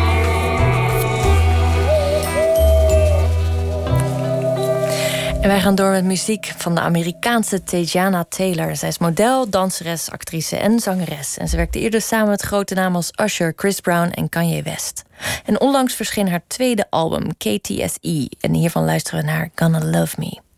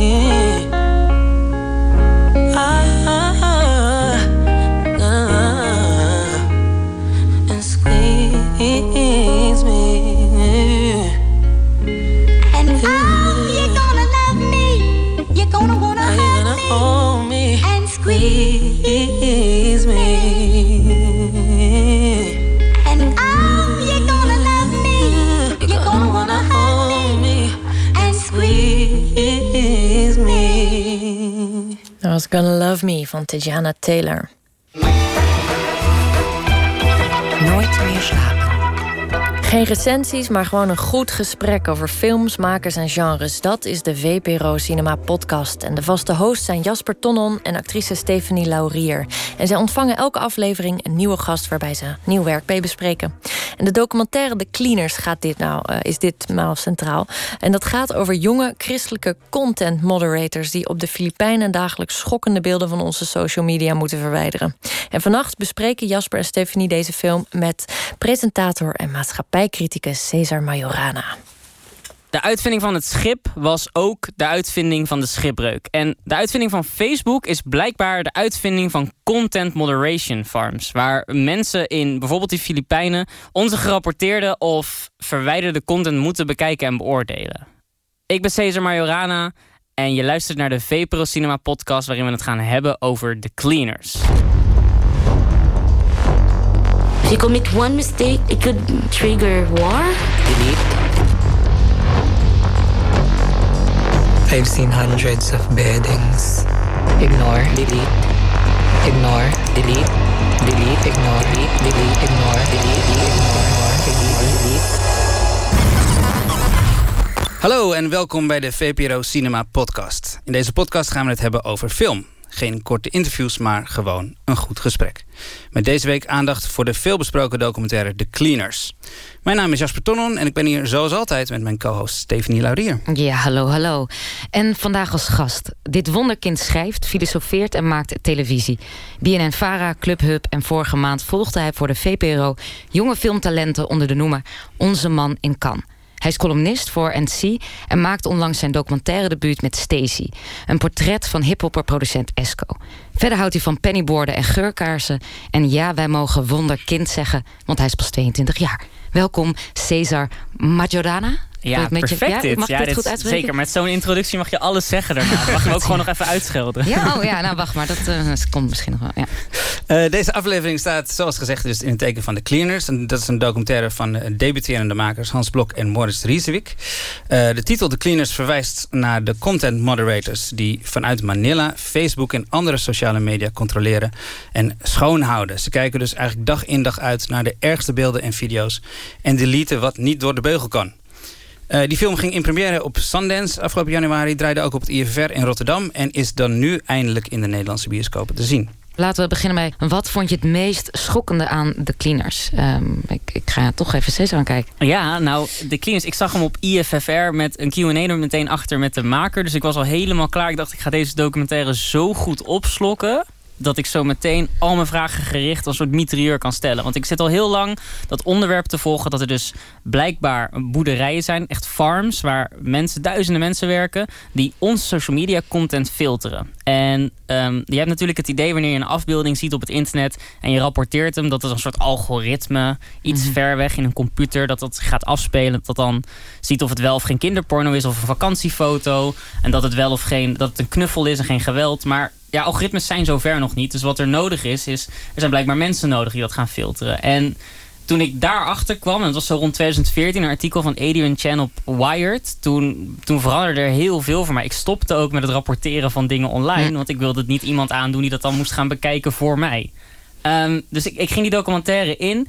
En de onthullingen van de documentaire waren voor mij het ergste toen ik erachter kwam dat de, de, de eh, judeo-christelijke cultuur van de Filipijnen, want daar, wordt het het meest, daar zijn de meeste van die content farms. eh, die mensen die hebben een soort religieus gevoel bij het modereren van onze content. Die doen dat omdat ze inderdaad willen cleanen en schoonmaken. En dat dat zo was, ja, dat pakte me het meest. Ja. En daarom zijn ze ook uitgekozen, hè, natuurlijk. Zeker. Daar hebben ze ook de Een- Filipijnen gekozen. Een van, een van die cleaners zegt ook op een gegeven moment van ja, ik zie dit als mijn heilige taak. Ja, mijn roeping, ja. I remove the sin from the internet. Ja. Maar jij was dus eigenlijk helemaal niet geschokt zozeer door de inhoud van de film. Want je wist dus al dat die, die farms er bestonden, zeg maar. Ja, en dat lokte me ook naar die film toe. Ja. Want ik wilde daar meer over weten. En het is een hele besloten wereld. Die, die journalist voor Wired in 2014... die heeft zo erg Ja, geprobeerd erin te breken. En Ja. lukte hem vrijwel niet. Ehm, en wat je merkt is... social media bedrijven profileren zich natuurlijk... met een superleuke bedrijfscultuur. Maar blijkbaar ergens ver weg van Silicon Valley... met de mooie glijbanen en de gratis Mm. lunch... zit er gewoon ja, een keiharde fabriek... vol met mensen die heel de dag content filteren. Ja. En dus ook, ze werken dus ook niet voor Facebook. Ze werken voor, voor, tenminste, het is voor bedrijven die Facebook inhuurt. Dus Facebook ontkent ook dat ze mensen in dienst hebben. Want die hebben ze niet in dienst. Nee, klopt. En dat soort bedrijven die hebben dan hele toffe namen als eh, nou, microsourcing. En dan nou, je kan gewoon naar die web websites gaan van die bedrijven. En die, wat zij aanbieden is dus eh, mensen als product. Alsof een mens een stuk software is. Dus ik ben naar de website van microsourcing gegaan. En dan lees je dingen als... We have 24-7, 365 days a year real-time service. En dan hebben ze promotionele blurbs waarin dingen staan als... Filipinos have excellent language skills and understand Western slang and have a great eye for detail, making them perfectly suited for content moderation work. Wow. De mens als softwareverlengstuk. Dat is wel echt heftig, ja. Ja. ja. Wat ik ook heel schokkend aan vind, was wat er met die mensen gebeurde door het werk. Want ik, ik wist ook wel dat die phones bestonden, maar ik had er nooit verder zo over nagedacht dat het voor hun ook psychologisch heel zwaar was. Maar die mensen, ja, die, hun hele leven wordt overhoop gehaald door wat ze allemaal te zien krijgen. Ze krijgen zoveel troepen over zich heen. Dat zie je in die film ook heel Ja. erg. Dat je, ehm, weet je, die, die, die, een content moderator die heel veel eh, aanslagen en onthoofdingen ziet, die durft bijna de straat niet meer op. En, en die, Er is een meisje wat droomt over penissen. Ja, die over droomt over penissen, ja. penissen. Ja, Ja. dan, dan En heeft je het- werk wel... eh, En het ergste is natuurlijk die jongen die, ehm, die eh, gespecialiseerd is op zelfmutilatie en zelfmoord. En dat aan het eind van de film blijkt dat hij zelfmoord heeft gepleegd. Ja. Ja. Want hij kon het niet aan. Ja. Dat, is wel, dat vond ik echt het schokkendste van de documentaire. En, en, en eh, toch ook iemand die dan op een gegeven moment eh, kinderporno zag. En dat ze dat op een gegeven moment zei tegen een bedrijfsleider van... eh, het gaat te ver. En dat hij zei, ja, sorry, het staat in het contract. Dus Ja. ja, ja je moet gewoon door. Je moet door, ja, je moet doorkijken. Ja. En, en dit is dus iets... Ik, ik heb dus wel... ehm, ik heb tv gemaakt en op een gegeven moment ging ik tv maken... en dat was online televisie. En dan kom je eh, in een soort traject van eh, YouTube en NPO. En dan... Ik ben een keer bij Google geweest, bij die mensen van YouTube. En superleuk bedrijf, ontzettend leuke mensen. Maar daar, en dat wist ik ook niet... en daar ben ik me na deze documentaire in gaan verdiepen... daar werken dus ook mensen... eh, en dat zijn vaak liberal arts majors. Dat zijn mensen die gewoon een opleiding hebben gedaan... en eindelijk een baan vinden zonder haarnetje. Mhm. En die kunnen dan, nou, dan kunnen ze bij YouTube gaan werken... en dan moeten zij de YouTube-content gaan modereren. En dat is iets wat deze documentaire voor mij blootlegt. Het legt wel bloot dat... ehm, de mensen in de Filipijnen zijn bijna onze soort van... ja, martyrs noem je dat. Mensen, zeg maar, wij hebben ze nodig. Want in eh, Nederland en in Amerika kunnen de medewerkers niet zo lang volhouden. Dus de gemiddelde arbeidstijd van een content moderator in Amerika was volgens mij iets van drie tot zes maanden.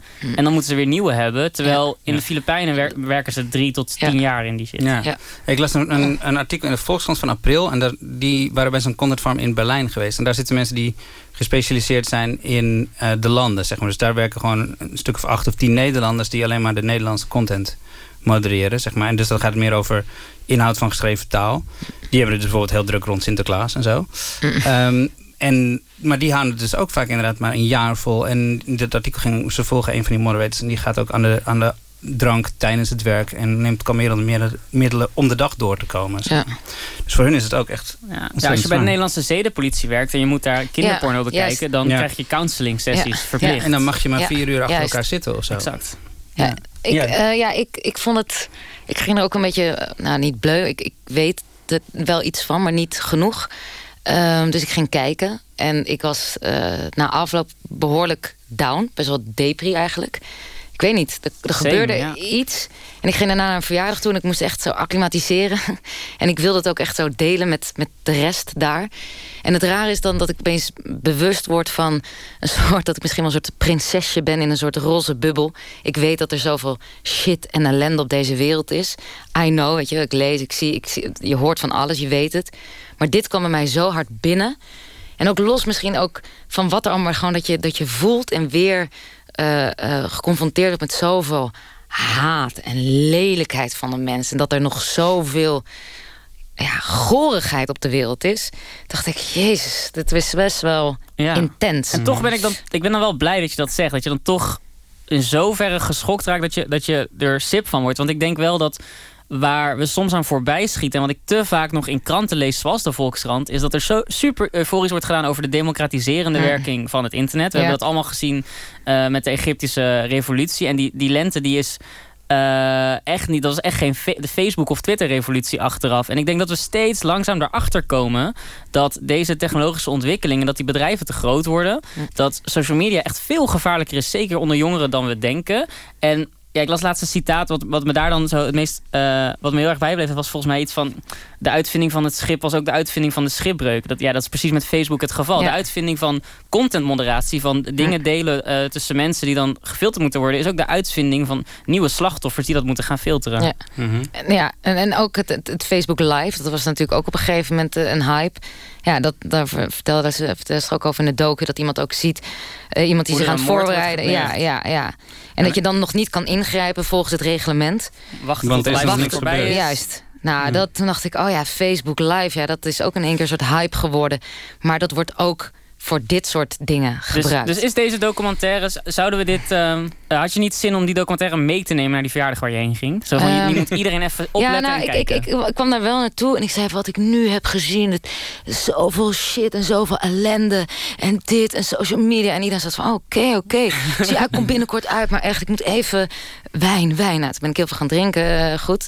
Maar ja, en ik, en ik, vond, ja, ik vond het ook wel bizar dat ik zo eh, was aangedaan. Omdat ik het weet. Maar Voel toch, je je schuldig? Ehm, nou, ik zei wel meteen, maar er kwam volgens mij later ook op eh, van... eh, ik zei tegen, meteen tegen mijn vriend, ik ga van Facebook af. En dat is dan heel hypocriet dat ik dan op dat moment dat zeg... en dat dan niet doe. Weet je wel? Ja, dat, ja, dat vind ik dan ook weer laf van mezelf. Dan denk ik, oh ja, met mijn grote bek. En dan zeg ik, oh ja, dat wordt zo, Ja, ik zo vind het een super dom idee, man. Ja? Ja. want ik vind wanneer je zegt, we gaan van Facebook af... dan zeg je, er is geen Facebook mogelijk wat wel eerlijk is. En ik denk dat deze documentaire, en daar slaagt de documentaire... de documentaire is op veel punten, die kunnen we zeker zo meteen bespreken... niet geslaagd, maar hij is wel geslaagd in het idee... dat het, het, het poneert wel de vraag, kan social media ook anders... Eh, dus er interview op een gegeven moment die dame die hoofd is bij YouTube voor content moderatie. En zij zegt van nou, we zijn ook bezig met algoritme, maar we zijn nog niet goed genoeg daarin. We zijn er nog te dom voor. En dat sprankje hoop, daar, daar, ik dacht daar zit iets. Want ik denk dat die massale gekte rondom Facebook verwijderen, die, dat is een soort impulsreactie. Ja, ja, ja. Maar de reactie zegt dus ook van ja, als bedrijven eenmaal zo groot zijn, nou dan, dan weten we het niet meer hoor jongens, dan maar de handjes ervan af. Terwijl ik denk van nee man, ik denk dat als we echt ons best gaan doen en kijken naar een samenleving die eh, minder slachtoffers maakt, dan kunnen we ook een betere Facebook eh, hiervoor krijgen in die samenleving. Maar ja, Facebook is al groot, maar Facebook gaat nog veel groter en groter worden. Dus ik bedoel, ze hebben het nu ook over eh, daten, dat je dat via Facebook kan doen. Dus op een gegeven moment heb je gewoon één plek. Dan heb je niet eens andere sites, maar heb je alleen maar Facebook als een soort bron van eh, contact, informatie. En daar waar ik me wel een beetje zorgen over van, ehm, ja, misschien moet er wel een, een groter geluid komen vanuit ons, de mensen. Zo van, hé, hey, we gaan nu wel heel ver. Dus zo'n documentaire vind ik goed, de bewustwording. Maar dan moet het voor mijn gevoel nog verder gaan. En ik vraag me af, eh, ja, komen we op het punt dat Facebook op een gegeven moment veilig gaat worden? Ik, Nee, ik zijn- vraag het me af. Er zijn wel veranderingen gaande, toch? Want Facebook heeft die, die real name policy willen ze doorvoeren. Of willen ze strenger maken. Ja, dus je, moet maar- laten weten wie je bent Ja. voordat je iemand online uitschreeuwt. Je kan niet eh, anoniem meer zijn. En ze denken, ze hopen dat dat bullying, cyberbullying tegen zou gaan. En, en, en trolling en dat soort Ja, dingen. dat denk ik maar niet. De Duitse, het is ook Ja. natuurlijk, want bijvoorbeeld de Duitse eh, eh, rechtbank heeft dat al eh, illegaal verklaard. Want je hebt het recht om anoniem te zijn op internet. Dus dat Ja. wordt nog heel moeilijk om dat door te voeren. Zeg maar. Ja, en dan, maar dan even als we kijken naar content moderators. Ja, kunnen we dan niet gewoon die speeltuin in Silicon Valley en die superleuke bedrijfscultuur. Kunnen we niet gewoon zeggen van joh. eh, we betalen mensen er gewoon wel goed voor om dit werk te doen. Facebook is toch een superrijk bedrijf. Ik snap Geef niet ze waarom zulke ja. multinationals nog steeds landen moeten uitbuiten. Want uiteindelijk, en dit is het mainpunt van de documentaire... de Filipijnen zijn de lul omdat Engeland daar, eh, omdat ze een Engelse kolonie waren. Daardoor spreken ze supergoed Engels. Daardoor is die judeo-christelijke moraal er zo goed ingetreden. Dus die hebben ongeveer dezelfde normen en waarden als wij hebben. En daardoor wordt dit land na eh, de koloniale tijd nog steeds uitgebuit. En nog steeds als onze kolonie ingezet die ons, onze lelijke troep willen bekijken. En Ja. Ehm, zolang we niet inzien dat het probleem ligt in het kolonialisme hiervan... in, in dat we gewoon eh Filipijnen onze slet hebben gemaakt... want dat is het, we laten ze zieke kinderporno zien... en dan Mm. duizend keer per minuut. Eh, zolang we dat niet beseffen, gaan we echt niet tot de oplossing komen. Nee. En het verlengstuk daarvan is... als we die mensen dan uiteindelijk niet meer zo onderdanig gaan behandelen... dan kunnen we ons gaan afvragen... wat geeft de Filipijnen het recht om, eh, om onze westerse Ja. gesprekken te gaan... want dat gebeurt er uiteindelijk... onze westerse gesprekken te gaan beïnvloeden... en onze westerse communicatie te beïnvloeden. Ja. En dat is best wel eng. Ik heb eh, tijdens de Q&A met die makers... was mijn eerste vraag toch echt... want je ziet alleen maar afbeeldingen in die documentaire. Het gaat heel erg over heel veel afbeeldingen per minuut... en dan ja of nee, ja of nee, ja of nee wat gebeurt er met de tekst? Nou, ik vroeg dat dus. En toen zeiden ze dat ze eh, in veel van die eh, eh, farms hebben gezien dat mensen gewoon tekstpost ook binnenkrijgen op dat schermpje.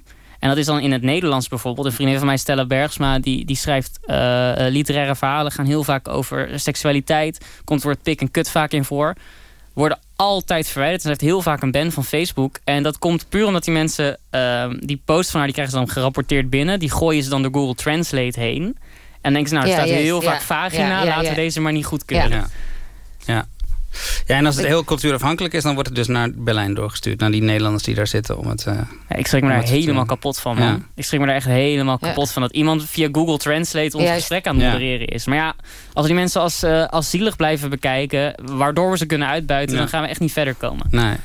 Maar om terug te komen op wat, wat jij vroeg, ik, zou ook, ik, heb, ik heb niet de reactie gehad van ik ga meteen van Facebook af. Oh ja. Omdat ik vind sowieso dat de film niet heel erg gaat over normaal gebruik van Facebook. Dus ik had niet het gevoel dat het heel erg met de manier waarop ik Facebook gebruik eh, te maken had. Het was gewoon. Ja, maar je hebt toch wel het gevoel van... Of dat ik dan van, oh ja, dus ik Maar ben ook Hebben jullie onderdeel... nooit iets gerapporteerd? Ik heb nog nooit iets Nee, ik gerapporteerd. Nee. Oh shit, ben, ben ik dan weird? Ik heb soms wel eens dat ik... Nou, dat is Ja, maar wat, wat, wat dan? Misschien Wat, zie wat jij heb je andere dan? dingen dan wij. Nou, ik- nou, Oké, bijvoorbeeld. Dus RTL Nieuws. eh, dan is er een, een, een, eh, eh, een bericht over vluchtelingen. En dan zijn er gewoon allemaal Ria van 43 uit uh, Schubbekutteveen. Die zegt van ja, maar eh, vluchtelingen allemaal teringlijsten. En ze krijgen een gratis Range Rover van de overheid. En wij zitten met onze bejaarden die eh, verpieteren. Hm. En dan denk ik van Ria, praat eens even normaal. En dan rapporteer ik dat Ah, ja. bericht. Maar Hm. ik dacht dat daar een soort... Ja, ik dacht dat Simon in pak achter zijn bureau zat met een wetboek erbij. En gewoon zou zeggen, nou, dit is haatdragend. Ja, mag ja, ja. niet. Maar dat, dat zijn gewoon mensen uit de Filipijnen die duizend van die berichten per minuut te zien krijgen. Ja. Ja. Dat is, dat is, eh, ja, shocking. Ja. shocking, ja. Ja, Dus ja. wat moeten we... Ja, Maar gaan we een er actieplan? Want maken zijn, met z'n dus- allen? Er zijn natuurlijk, want er zijn heel vaak alternatieven voor Facebook. Want je hebt van die, van die bedrijven als eh, Minds en Dat Diaspora. Die, Ja, en, en, de- dat de- wordt het elke keer niet. Want Nee, het probleem en, is... ja, sorry. Het probleem is, er, er is geen alternatief. Ook toen die op, Lubach die oplag, op, oproep Ja, deed om iedereen te stoppen. Iedereen had zich aangemeld, maar niemand ging echt. Want Nee. er, is, er is geen alternatief. Nee, en social media voegt wel echt iets toe. Ja. Zeg maar, het is wel, ik bedoel, als je het echt vanaf ik ga staat, dan toch mis je even echt veel. onder, de documentaire zeiden op een gegeven moment van eh, documentairemakers die hadden gezegd er moet eigenlijk een soort digitale Verenigde Naties komen waarin alle landen samen rond de tafel gaan zitten om een soort universele regels op te stellen. Eh, ja, zoiets dat er dus bepaalde nog betere richtlijnen komen. En dan blijft de vraag, wie gaat naar onze Juist, troep kijken? ja, ja. Wie gaat onze kinderporno of Ja, vakantiefoto's Het filmen? is wel duidelijk dat het moet gebeuren. Toch? Ja, eens. Ja. Ja. Ik, eh, ik was laatst... Ik, was laatst ehm, eh, ik heb een ex-vriend van mij die doet eh, cultural analysis studie op de UvA. En die is heel erg inderdaad bezig met dit soort nieuwe vormen van media... en wat dat zegt over onze samenleving. En ze vertelde me over een citaat van Judith Butler. En eh, dat past voor, voor mij heel erg ook bij content moderation. Die zegt dat... Judith Butler zegt in een boek dat het zien van geweld... en het collectief rouwen... dat dat een ontzettend grote socialiserende factor is in de samenleving. Dus ik, ik bedacht meteen of ik raakte geprikkeld. Dat ik dacht van ja, maar misschien kunnen we onze content moderation met elkaar gaan bekijken. In een soort groepsessies of zo. Misschien moeten we een manier vinden waarop de gebruikers van het netwerk allemaal die lasten gewoon delen. Net als dat je een captcha invult met is dit een auto of is dit een huisnummer. Mhm. Dat je ook gewoon voordat je iets mag posten even een andere post moet filteren. Ja, dat, dat, Is dat niet pas, een idee? Pas, pas ik voor. Dat- ik vond, vond bij deze documentaire al... Kijk, vaak ook voor, voor de podcast... of ik weet niet hoe het bij jou zit, eh, Jasper... maar ik kijk dan nog wel vaak nog een film nog een keer. Ja, ik, en bij deze documentaire gekeken, heb ik... Ik kon het echt niet nog Nee? een keer kijken. En dat vind ik ook... Ja, ook nou, hypocriet, ik weet het niet. Maar ik vond het zo in- intens. En ook die Mhm. beelden, want je ziet ook wel beelden. Ja, zie je echt af- beelden? Dat Ja, ik dus Eén keer. meevallen. Ja, je ziet één keer even Nou ja, zo... eh, en ook maar en, en hoe gedetailleerd het wordt, wordt eh, omschreven. Dan dacht ik, ja, dat gaat wel ver of zo. Dan gaan we mij wel Ja. een soort alarm eh, bellen, zo eh, heen en weer. Ehm, maar de vraag is natuurlijk wel, ik weet niet, we gaan er natuurlijk helemaal niet uitkomen, dat hoeft ook niet. Maar hoe, wa- Ja, wat, ik, doe, ik ga niet de deur uit voordat een oplossing er wordt. Oké, jongens. nou, is Ik goed. wil- We hebben nee, nog een fles ik- wijn ik hier staan, Maak dus- me hier, ik maak me zo, ik maak me ook woedend. Mhm. En ik vind dat gevoel van. Ja, ik, ik voel me bijna verlamd of echt gecastreerd zelf. Ik, kan, ik, voel, ik, ik voel mijn mond dood, want ik zie wat er gebeurt. En ik zie dat mijn telefoon die nu naast me ligt, waar die app op staat, dat die slachtoffers maakt. En dat ik de schuldige ben. En ik denk altijd, als ik niet onderdeel ben van de oplossing, ben ik wel onderdeel van het probleem. Juist, maar, dat, maar daarom, zeg, daarom is mijn reactie misschien ook niet zo raar om te zeggen... ik stop met Facebook, want ja, weet ik veel, als we dat allemaal zouden doen... dan valt het eh, dood en dan valt het neer. En dan moeten we vanuit... Ik geloof ook wel dat je iets helemaal eh, kapot moet maken... zodat er weer iets nieuws kan eh, ontstaan. Maar ik bedoel, het is, niet? ja, maar het is toch niet alleen Facebook? Het is, het is ook Twitter en alle andere social YouTube, media. ja. Het is alles. Het is YouTube. Je kan stoppen met Facebook, stoppen, maar die met, mensen moeten... stoppen met social media. Ja, die mensen die nu lelijke dingen op Facebook zetten... die doen het dan ergens anders en dan moet dat gemodereerd worden. Ik bedoel, Facebook is het probleem niet per se. Hoe ze ermee omgaan is wel een probleem. Ja. Misschien, maar... Nou, en, en hoe de bedrijven dus uiteindelijk, uitstorten. als we het probleem nog kleiner willen maken. En, en ehm, in die zin vind ik de documentaire wel heel erg geslaagd. Ze gaan wel naar de bedrijven toe en kijken echt naar bedrijfscultuur per, per individueel Mhm. bedrijf. Wat dat dus doet voor die grote multinationals. Dan zie je dat menselijk, eh, menselijke arbeid wordt als een soort van software geleverd. Dus dit soort content moderatiebedrijven die verkopen, die zeggen we kunnen per minuut kunnen we duizend afbeeldingen voor je scannen. En dat is niet wij de software, dat is eh, gewoon mensen in een fabriek achter een computer. Ik vind de manier waarop we nu mensen als een soort software behandelen. Ik denk dat daar de grootste vorm van uitbuiting in zit. En dat we die het eerste moeten oplossen. Ja. Ik vind dat al die be- bedrijven moeten ontzettend hard aangepakt worden. En je kan niet meer, je kan niet mensen als een soort cyborg verkopen voor geld. Ik denk dat die vorm van menselijk kapitaal moeten we gewoon eventjes van de markt afhalen. Ik denk dat we gewoon geen content moderators een paar jaar lang mogen hebben. En ze zoeken het maar uit met algoritmes. Maar jij vindt dus eigenlijk dus dat die, de bedrijven die in Manila zijn de schuldigen... en niet Facebook zelf de schuldige? Eh, ik denk dat beide schuldig zijn en dat beide aangepakt moeten worden. Maar sluit die bedrijven maar gewoon eens eerst. En dan, dan is dat pijnlijk, want waarschijnlijk is het kijken naar eh, ontzettende onthoofdingsvideo's en al die beelden is een soort alternatief op natuurlijk zelf op straat moeten stelen en een alternatief op eh, in armoede leven. Ook goed aangestipt in de documentaire. Maar ja, laten we eens een keer radicaal zijn met z'n allen. Laten we gewoon eens een keer een middelvinger opsteken.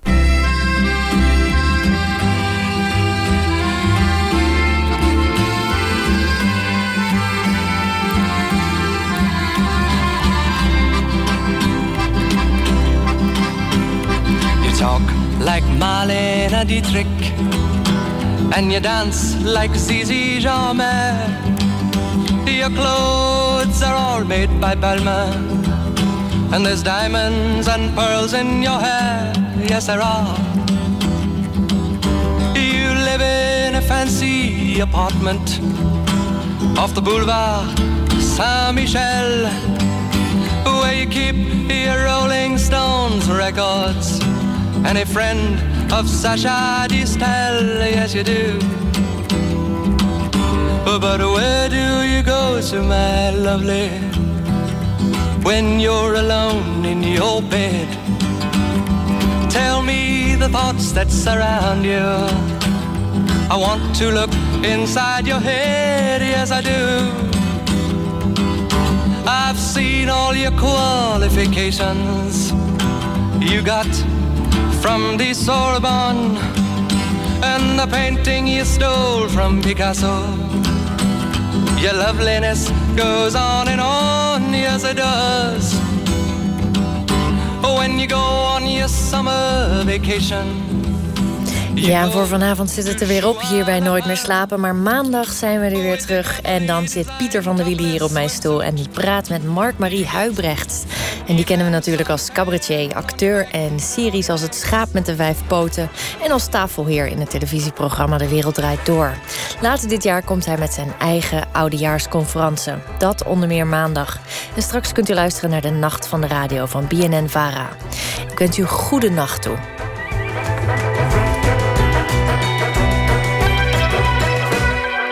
Radio 1, het nieuws van alle kanten.